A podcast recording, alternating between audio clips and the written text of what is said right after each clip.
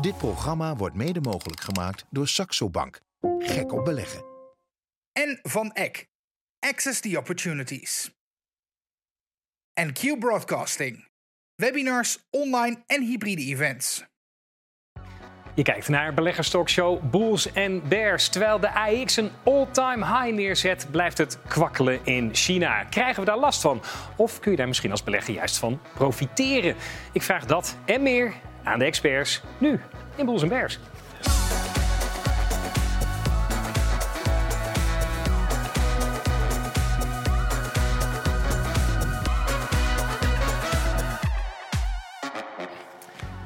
Ja, fijn dat je weer kijkt naar Beleggerstalkshow Bulls en Bears. Deze week met Martijn Rozemuller, CEO Europa bij Fondshuis Van Eck. Dan een tijdje terug van weg geweest. Corné van Zijl, beleggersstratege bij Cardano.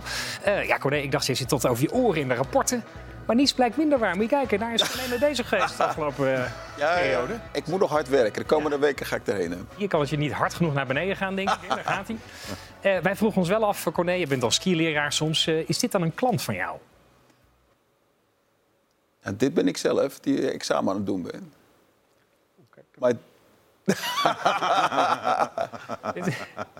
ja, ik zeg altijd dat je... Zit voor of na een week Corné van Zijl? ik zeg dat je geen angst moet hebben. Ik geloof niet dat deze man angst had, behalve op het laatste moment. Uh. Goed, valt nog wat, er is nog wat aan te schaven. Maar leuk, Corné. Fijn dat je er weer bij bent. In uh, One Piece ook, ook belangrijk. Uh, geldt ook voor Bas Heink, technisch analist bij het ING Investment Office. En Hans Oudhoorn, beleggerstrainer bij Saxo en auteur van het boek Beleggen voor Dummies. Heren, welkom in de week dat de AX een all-time high neerzet, uh, Martijn. Uh, ja, gedreven door ASML, begreep ik al. Maar, ja. Maar waarom nu? Nou, in ieder geval heel anders dan de leerlingen van uh, Corné. Kaart omhoog inderdaad. Het, Ja. is, uh, ja, het, is, het is een beetje een tech-index geworden, hè, onze AX. Dat was Ja. vroeger natuurlijk heel anders. Mhm. Hè, met, met, met de olies en ING's en Unilevers. Maar nu is het vooral ASML, ASMI en eh Bezi wat kaart op. Twee weken geleden kwamen die cijfers uit van ASML. Maar dan is twee weken later ineens zien beleggers er kennelijk zoveel in dat het omhoog spuit. Hoe kan dat? Ja, misschien is het een beetje het enthousiasme wat ook aangewakkerd wordt door die goede cijfers. Hè. Beleggers zijn natuurlijk een heel apart eh, slag volk, wat af en toe ook juist, Ja. eh, als het al goed gaat, eh, in wil stappen. Kudde gedrag. Maar wat je ook wel ziet, is dat mensen natuurlijk goed naar die cijfers gaan kijken en ook gaan proberen te bedenken van ja, hoe lang kan dit doorgaan? En ja, dan blijkt dus dat dit, zeker ook volgens de bedrijven zelf, nog best wel een tijdje door kan gaan. Zie je dat enthousiasme ook bij jullie beleggers? Bij de Saxo-beleggers? Interesse in IT en chips? Ja, absoluut. We doen natuurlijk altijd onderzoek ook naar het sentiment. Nou, dat is al een tijdje positief. Maar we vragen ook van, goh, welke sector is nou voor jullie favoriet? Geen verrassing, informatietechnologie. 56% van hè, eh, de mensen die deelneemt eh, aan deze enquête zegt...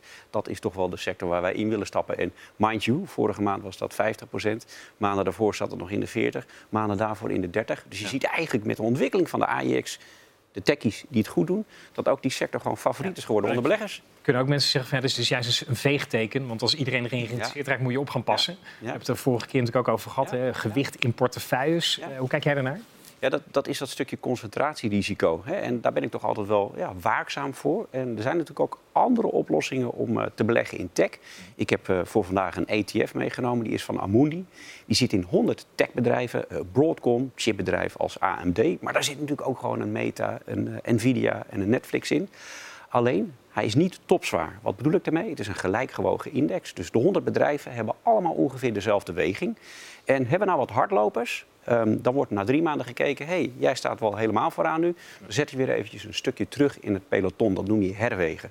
Ja, en deze ETF kun je prima voor de lange termijn opnemen in portefeuille.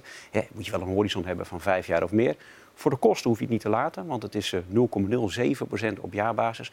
Voor die hele brede spreiding, maar dan beleg je dus in een index die niet topzwaar is. Het is dus in ieder geval een- over een index die niet topzwaar is. Een index die misschien wel topzwaar is, die AEX. Ik geloof dat ASML inmiddels 20% uitmaakt van die index. eh. Het is 18,5% om even precies te zijn. Ik heb het net nog opgezocht. En die drie techbedrijven bij elkaar zijn 22,8%. Dus bijna een kwart van de hele index bestaat uit die drie techbedrijven. Ja.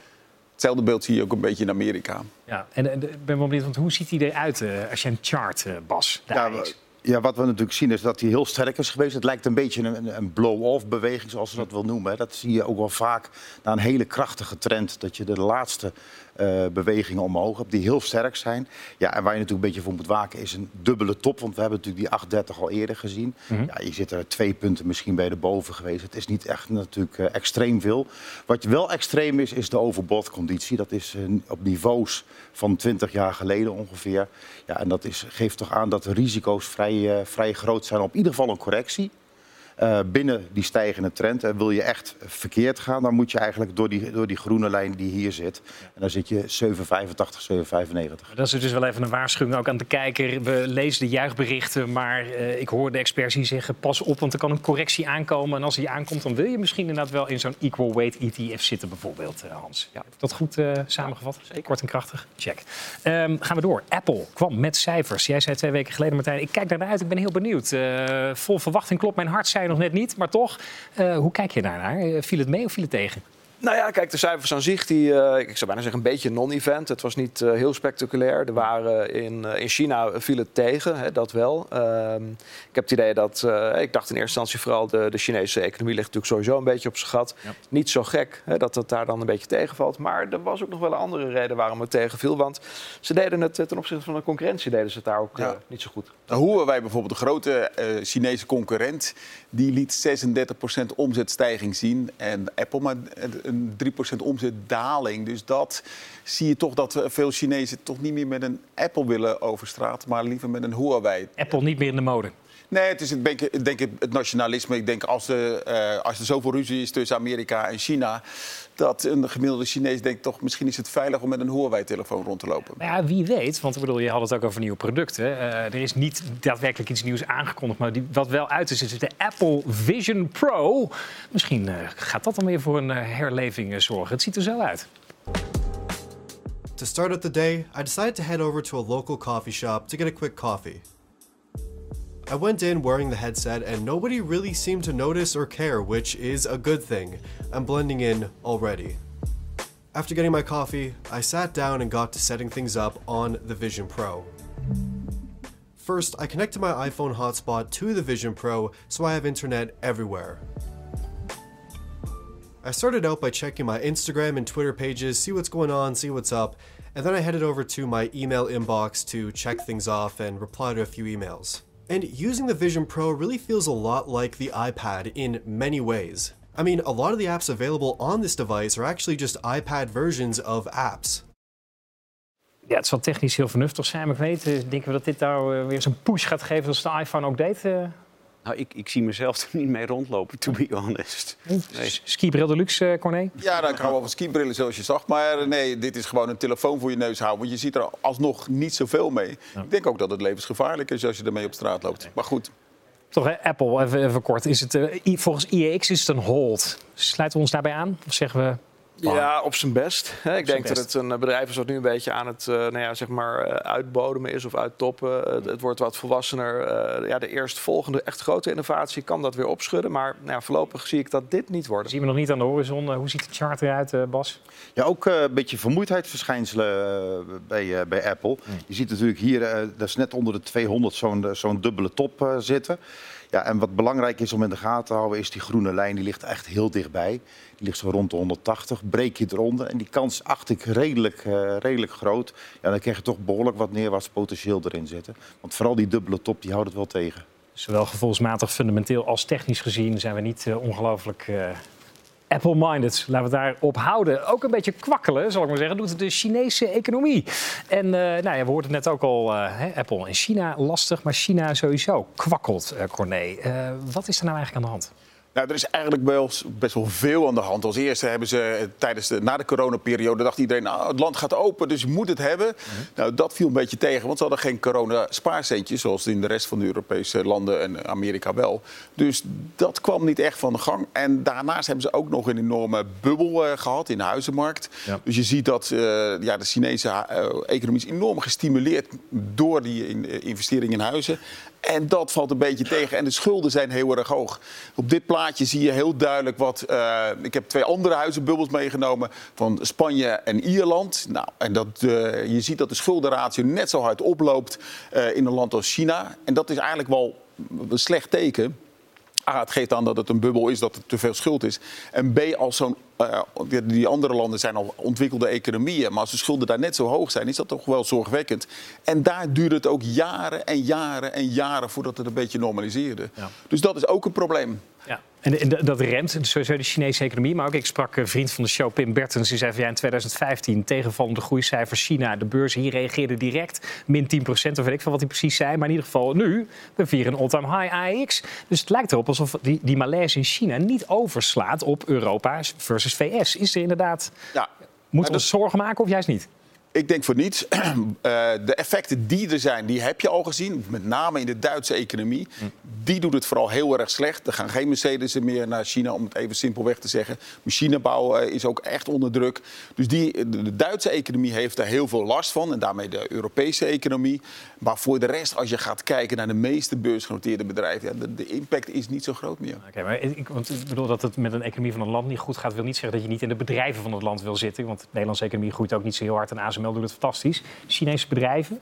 eh, Ja, ik, ik heb het al eerder gezegd, ik ben ook vanwege het politieke risico binnen het land zelf. Hè, je weet nooit welke beslissingen ze nemen. En opeens kun je misschien in een bedrijf zitten en eh, het is van de overheid. En is jouw belegging niks meer waard. Heb je ook het stukje politiek risico. Trump, eh, komt hij misschien weer aan de macht? Gaan we weer, nou ik denk geen judo, eh, maar misschien wel weer vechten met de Chinezen. Ik heb het een aantal uitzendingen geleden gezegd. eh, de koersen zakken naar beneden, maar ik blijf er nog eventjes van af. Ik laat het nog even uitrazen naar beneden. toe. even. Ik wil dan toch nog even kort weten, Bas, wat zie jij technisch gezien als je kijkt naar de Chinese index? Ja, waar bij Apple een dubbele top zat, zie je bij, eh, bij China natuurlijk die dubbele bodem eh, hierin zitten. Het is nog net te vroeg, maar je ziet een aantal verstijlingen naar beneden. En ik denk als je hier doorheen breekt, dat ligt zo rond de 5700, dat je behoorlijk wat opwaarts potentieel hebt. Dus het is nog te vroeg, maar speculatief kan er misschien zo wel een momentje komen. Juist, speculatief. Maar ja, goed, eh, er zijn nog genoeg eh, beren op de weg, eh, waaronder deze beer voor China. Als hij komt. Let's say China.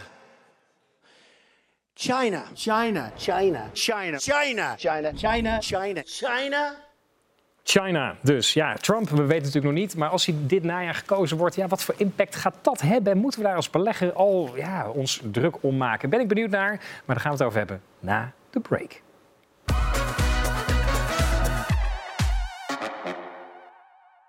Dit programma wordt mede mogelijk gemaakt door Saxo Bank. Gek op beleggen.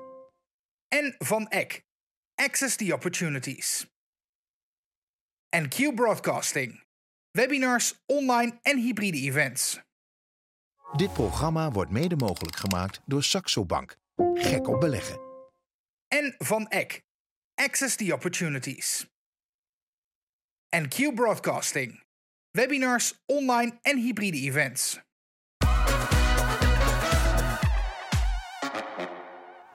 Fijn dat je kijkt naar Beleggers Talkshow Bulls and Bears met Martijn Rozenmuller, CEO Europa bij Fondshuis Van Eck, Corné van Zijl, beleggersstratege bij Cardano, Bas Heink, technisch analist bij het ING Investment Office en Hans Oudshoorn, beleggerstrainer bij Saxo en auteur van het boek Beleggen voor Dummies. Waarvoor dank, eh, Hans, zou ik bijna zeggen.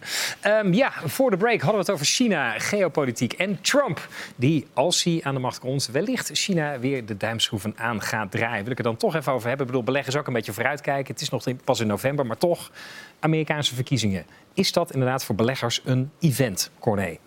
Ja, wat je normaal gesproken ziet, en dat is bij, eigenlijk bij iedere verkiezing zo, dat de, de volatility, dus de bewegelijkheid van de koersen, richting de verkiezingen echt toeneemt. Mensen gaan zich zorgen maken, dus altijd onzekerheid. En dat zal je ongetwijfeld dit jaar ook weer gaan zien. Ja, moet je, wat, wat moet je willen als belegger? Eh, Bi- Biden, Trump, is daar iets over te zeggen? Oeh, nou, het is in ieder geval altijd best wel moeilijk. Vorige keer toen eh, Trump in eh, 2016 gekozen werd, toen waren juist heel veel mensen bang voor een enorme neergang als hij zou worden gekozen. Nou, het tegenovergestelde gebeurde. Is, eh, als, als stel dat dit wordt, want ligt het voor de hand dat dit wordt? Hoe kijken jullie daarnaar bij Cardano bijvoorbeeld? Is dat een, een topic? Ben Nou, bezig? ja, je zal er rekening mee moeten houden, maar het, het bl- blijft voorspellen. Er is een hele mooie voorspelling, dat heet Predicted. Dat is eh, de, de wetkantoren, dus je kan wedden of Biden of Trump wint. Waar, waar kan je niet op wedden?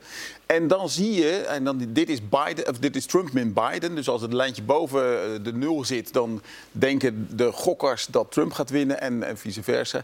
Nou, eigenlijk stond Biden het hele jaar voor, maar eh, recentelijk eh, had Trump de leiding genomen. In de laatste week zie je dat eh, Biden weer een klein beetje voorsprong neemt. Maar je ziet heel duidelijk dat het een hele spannende ja, wedstrijd, zou ik bijna zeggen, gaat worden. Ja. Kun je erop voorsorteren als belegger? En zo ja, hoe zou je dat dan moeten doen?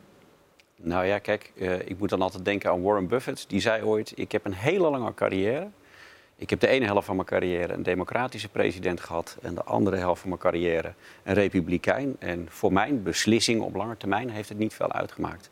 Maar op korte termijn, absoluut, eh, ja, houd rekening met een stukje volatility. En houd dan ook in je achterhoofd dat we natuurlijk, zeker met bepaalde sectoren... al flinke stijgingen hebben gehad. En die zouden dan misschien wel het hardst geraakt kunnen worden. En ik denk dat er misschien ook wel specifieke sectoren boven komen drijven... waar je wel wat mee kan. Het is uiterst speculatief natuurlijk nog, maar eh, om het toch wat concreter te maken, wat voor sectoren, waar zou ik dan aan moeten denken? Kun je er iets over zeggen? Je ziet dat als Trump wint, dat bijvoorbeeld eh, de financials, de banken en zo het eh, over het algemeen goed doen. Omdat eh, men dan minder regelgeving verwacht. En de bedrijven die het meeste belasting betalen. En Trump gaat ongetwijfeld weer met een belastingverlaging komen. Dus slecht voor de schatkist.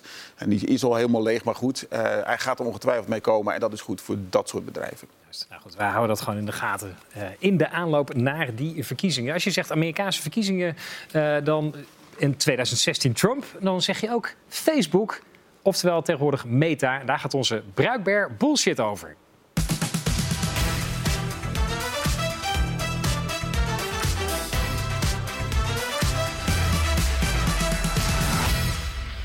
Meta kwam eh, afgelopen week met cijfers. Ik zat afgelopen vrijdag te luisteren naar BNR Beurs. Ik hoorde Errol Keijner van de VEB zeggen... de koers-winstverhouding geeft aan dat het aandeel Meta op ongeveer 25 keer de winst staat... van het toekomstige jaar. Verwachte winst, moet ik dan zeggen waarschijnlijk. En dat vond hij niet buitensporig. Tegelijkertijd, het bedrijf gaat als een tierenlier. Dus ik denk dan, Gerber Retail van Driehoek, kopen, kopen, kopen. Is dit bruikbaar, dit inzicht, of bullshit in dat opzicht? Dat wil ik graag voor jullie weten. Maar eerst laten we het even hebben over Meta Hans. Eh, het bedrijf kwam met cijfers. Eh, hoe ligt het erbij? Nou, die, die cijfers waren fantastisch, maar ik heb een plaatje meegenomen en die vertelt eventjes wat meer over het bedrijf. En dan gaan we terug in de tijd en dan zie je hier de winstgroei van de onderneming.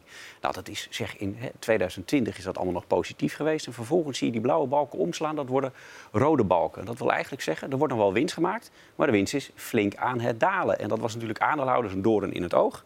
En toen hebben ze aangekondigd in 22 van 2023 wordt het jaar van de verandering van de kostenbesparing. Wat hebben ze gedaan? 21.000 man eruit gegooid, bijna 8% hè, van het werknemersbestand. En aan de andere kant hebben ze de gebruikers wel op de platformen weten te houden en veel meer advertentie verkocht.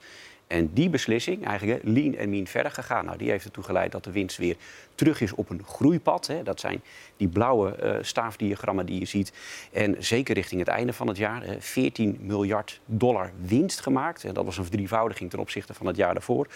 Dus cijfers om je vingers eh, bij af te likken. Ja. ja, en als je dan naar die koers-winstverhouding kijkt, dan valt dat mee. Maar er is meer. Nou, er is meer inderdaad. Er zijn misschien ook wel risico's. Want een tijdje terug was het bedrijf zat in de, de hoek waar de klappen vielen. En ook daar hebben we vorige week nog een staartje van gezien. In de Senaat moest Zuckerberg zich ja, toch even een soort van verantwoorden. Kijk mee.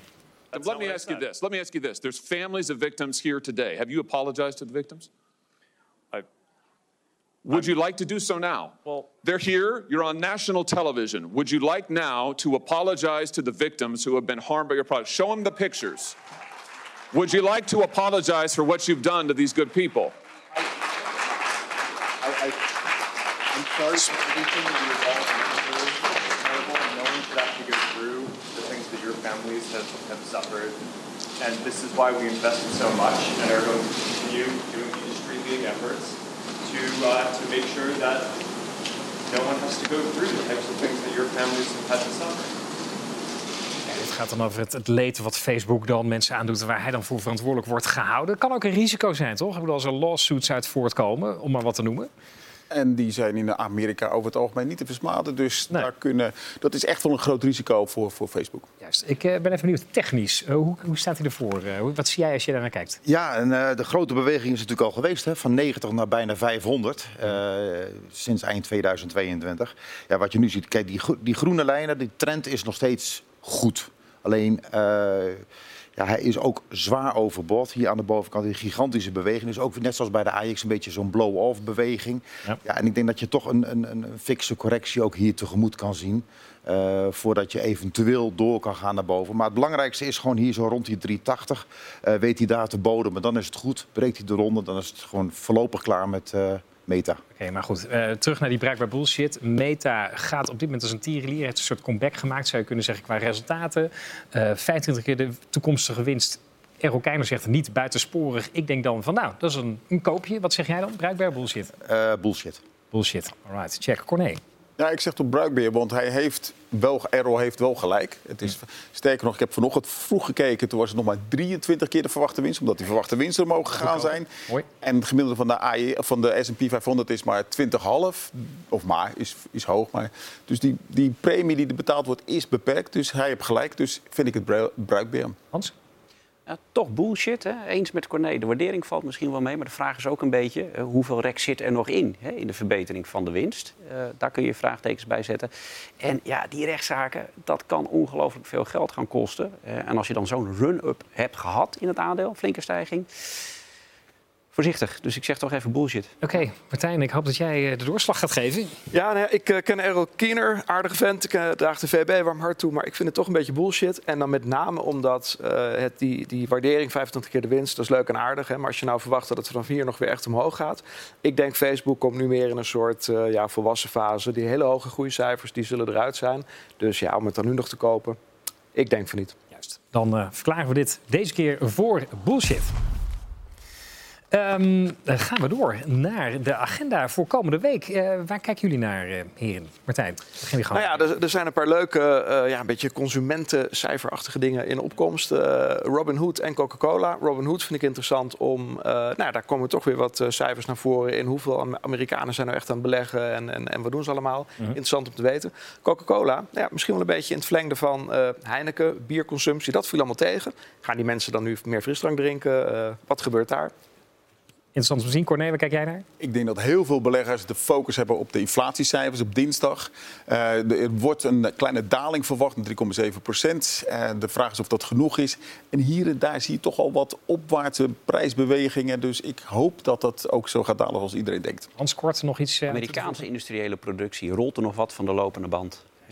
Kijk, Bas, jij kijkt alleen maar naar koersen, niet naar nieuwsfeiten. Dus dat is makkelijk. Eh, ook eh, wij vragen je wekelijks om naar koersen te kijken. Oftewel de AEX. Want je kunt een IEX expert abonnement winnen. Als je de slotstand van de AEX van eh, goed voorspelt. Dan krijg je dit blad wekelijks in je postbus. en de analyses van meer dan 150 beursgenoteerde ondernemingen in je mailbox. Ehm, we vroegen je de slotstand van de AEX van afgelopen dinsdag te voorspellen. Die slotstand was 831,09. En Berend Groeneveld zat daar dichtstbij met 830,06. Dus eh, gefeliciteerd Berend, deze prijs komt naar je toe. Wil jij winnen? Voorspel dan die slotstand. Stuur hem in naar voorspelling.boolsandbears.tv. De slotstand van aanstaande dinsdag. Stuur hem uiterlijk zondagavond in. En wie weet pak jij die prijs. Eh, kijk voor meer informatie op www.boolsandbears.tv. Ik dank Martijn Rozemuller, CEO Europa bij Fondshuis Van Eck. Corné van Zijl, stratege bij Cardano. Eh, Bas Heink, technisch analist bij het ING Investment Office. En Hans Oudshoorn, beleggerstrainer bij Saxo. Eh, ik dank jou voor het kijken. Heel graag tot volgende week.